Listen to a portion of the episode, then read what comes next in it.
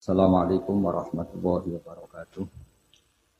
Nahmaduka ya ghafur ya syakur wa masalli wa sallim wa barik Sayyidina Maulana Muhammadin wa ala alihi wa sahbihi wa Yang sangat saya hormati juga kita hormati semua kita menghormati Bapak Wakil Presiden Republik Indonesia Profesor Dr. Haji Maruf Amin yang saya sangat hormati Ketua Happy Trend Kiai Haji Muhammad Fasibah Hasbuah juga keluarga. Yang saya hormati Bapak Ferry Warjio sebagai Gubernur Bank Indonesia, Haji Yaakob Khalil sebagai Menteri Agama, Kofifa sebagai Gubernur Jawa Timur, juga Kiai Haji Marsidin Mustamar sebagai Ketua PWNU Jawa Timur.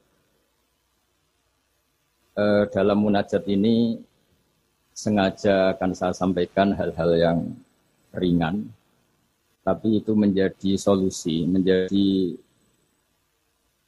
jalan keluar bagi kita semua sebagai bangsa Indonesia. Ada banyak catatan sejarah. Dulu kita pernah sukses menghadapi penjajah, juga masyarakat dengan segala kesederhanaannya. Tapi yang menjadikan mereka kuat adalah bermental kulukum ro'in, wa kulukum mas'ulun an Semua kita bertanggung jawab terhadap proses sosial, terhadap proses kemerdekaan, juga terhadap proses berbangsa dan bernegara. Mental roin ini, mental menjaga, mental memberi, mental bertanggung jawab, ini yang menjaga kita. Sehingga dulu para TNI, para pejuang itu di kampung-kampung dikasih ketela, dikasih gembili, dikasih hui, bisa makan. Gara-gara punya mental memberi ini bangsa kita merdeka.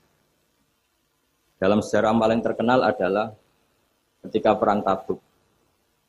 Itu sahabat yang saking miskinnya itu punya beras misalnya di Indonesia kayak beras 2 kilo dikasihkan Nabi 1 kilo yang 1 kilo untuk keluarganya.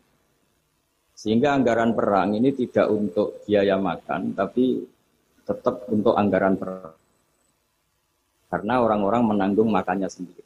Ini yang penting sekali supaya kita ngadepin pandemi juga ngadepi problem masyarakat ini kita apresiasi mereka juga ikut berjuang untuk menjaga ketertiban bangsa Indonesia. Bayangkan kalau kita semua ini kriminal itu penjara penuh dan negara tidak akan mampu menampung kita semua karena kita melakukan kriminalitas juga keuangan kita tidak cukup.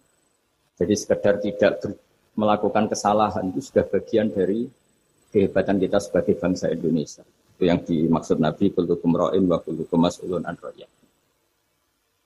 itu sebagai mukadimah untuk refleksi atau munajat kemerdekaan. Dan kita sering baca Quran. Kadang-kadang Allah Ta'ala itu suka, suka ngendikan yang ringan-ringan. Allah Ta'ala yang Tuhan, ketemu Nabi Musa yang berstatus kalimuah. Kalimuah itu seorang Nabi yang setiap punya problem itu komunikasi langsung dengan Allah Ta'ala. Saking terkenalnya Nabi Musa sering munajat sampai ketika beliau sakit gigi, itu langsung matur kepada Allah Ta'ala, ya Allah saya ini sakit gigi. Jadi tidak ke dokter, tidak ke tabib, tapi langsung ke Allah Ta'ala. Bersama Allah Ta'ala dikasih tahu, coba kamu ngunyah rumput ini, jenis ini. Setelah dikunyah, Nabi Musa sembuh. Suatu saat beliau sakit gigi lagi. Tidak lagi konsultasi dengan Allah, tapi langsung nyari rumput itu, kemudian dikunyah tambah sakit. Tambah sakit, Nabi Musa tanya, ya Allah ini sesuai resep pertama, kenapa tambah sakit? Resepnya Allah, dulu kamu percaya saya punya kekuatan menyembuhkan, sekarang percaya kamu sama rumput, silahkan minta sembuh dari rumput. Akhirnya semenjak itu eh, jadi syariat bersama bahwa ikhtiar ya harus tetap hasbi wa ni'mal wakil, meskipun tawakal juga harus tetap ikhtiar. Karena di semua cerita-cerita itu Nabi Musa tidak langsung disuruh berdoa, tapi disuruh ikhtiar, yaitu dengan mengunyah uh, rumput tertentu yang menjadi obat sakit. Tapi di balik itu semua, ada halal dahsyat yang Allah Ta'ala itu ngendikan atau cara memperlakukan seorang kekasihnya itu ringan sekali, rileks sekali. Sehingga banyak kiai kita yang yang rileks. Fir'aun itu betapa biadabnya Fir'aun, betapa bengisnya Fir'aun yang menindas, menindas bangsa Israel.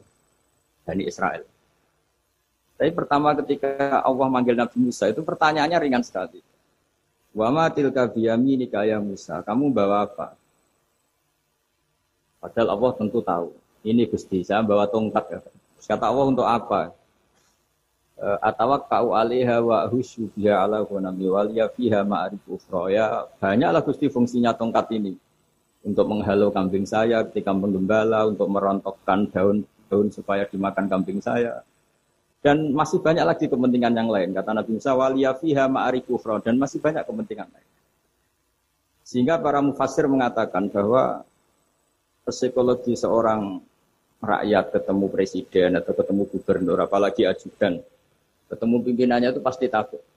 Cara menghilangkan ketakutan itu diajak ngendikan atau ngomong yang ringan-ringan. Saya tidak bisa bayangkan kalau saya ketemu Mbah Maimun terus ditanya, Mbah kamu ngiai kamu reputasinya sudah kayak apa? Yang sudah kamu pinterkan berapa? Yang sekarang jadi ahli sunnah berapa? Itu pasti saya gagap. Sama ketika gubernur ditanya menteri dalam negeri atau ditanya atasannya lagi prestasi pasti gagal. Sehingga kadang-kadang bangsa ini kalau antar pejabat ketemu ya makan-makan. Kalau ketemu kadang ngendikan yang ringan-ringan. Itu sebetulnya bukan hal yang salah. Karena dalam kecapean seperti ini hal-hal yang ringan itu adalah obat, adalah solusi. Sehingga Nabi Musa tidak ditanya, kamu jadi nabi reputasi kamu apa? Malah ditanya yang ringan. Wama tilka biyami ini kaya Musa. Kalau dia aso ya atawak kau. Hal itu juga yang kadang-kadang Nabi kalau ditanya, ayat Islam ya khairun ya Rasulullah. Islam yang terbaik itu gimana ya Rasulullah? Jawabannya Nabi itu unik. Kadang hanya jawab kit'amu to'am. Kit'amu to'am wa ifsa'us salam alaman arota malam tarif. Ya Islam yang baik itu ya pokoknya makan-makan. Itu kalau ketemu teman ya makan-makan. Kalau ketemu. Lalu dibalik keriangan ini, dibalik ketenangan ini atau keriangan ini, dibalik hal-hal yang sederhana ini terjadi fikih yang luar biasa. Ini tadi saya nanti sampainya ke Jibidren. Terjadi fikih yang luar biasa. Ketika ahli fikih mengatakan senyum itu sunnah karena tidak wajib, tidak berdoa. Tapi konsekuensi hukumnya bisa wajib. Ya tadi misalnya kita punya istri solihah, tentu kita butuh happy. Yang istri kita misalnya judes, yang tidak istri kita ramah senyum. Maka ini ada persaingan halal dan haram. Dan haram ini bisa menang hanya modal senyum, yang halal karena benis kalah. Jika dalam konteks tertentu maka yang dikatakan Nabi senyum itu sunnah, itu tidak dimanai ulama sunnah dengan arti tidak wajib, tapi sunnah dengan arti perilakunya orang-orang soleh untuk kompetisi itu pasti senyum. Karena tidak kebayang kalau kalau yang soleh, yang baik itu bawaannya tanfir, menjadikan orang lain lari, Sementara yang batil menjadikan orang lain tertarik. Ini jangan sampai terjadi. Sehingga Islam kadang-kadang mengajarkan kita hal-hal yang ringan tadi. Kita to'am. Ya kalau ketemu teman ya makan-makan. Kita tidak bisa bayangkan misalnya komunitas orang-orang bandar narkoba kalau ketemu anak buahnya makan-makan, rileks. Sementara kita yang soleh-soleh, meditnya minta ampun. Sehingga orang terus kapok berteman orang soleh karena batil. Terus mencari berteman orang batil karena sakot.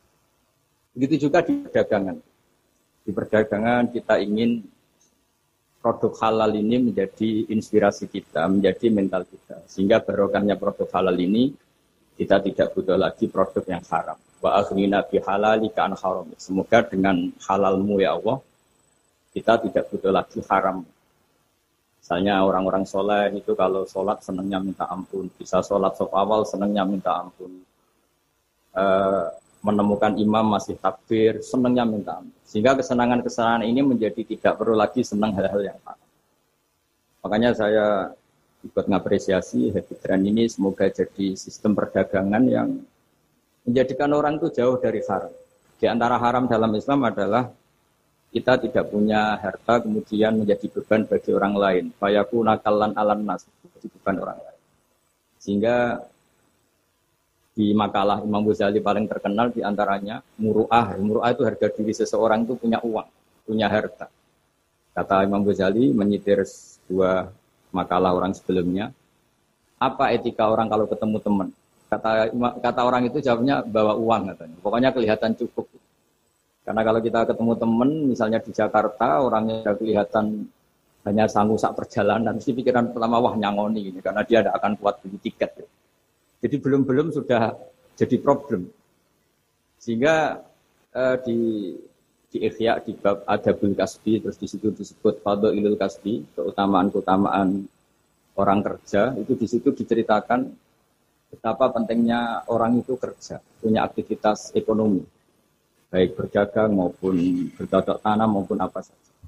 Karena di antara etika berteman itu kata kata ulama ini punya uang, karena nanti si soibul bed ini tidak kepikiran macam-macam. Jadi saya tidak akan uh, cerita panjang lebar, cuma saya pastikan bahwa kegiatan halal itu harus dominan dan harus asik.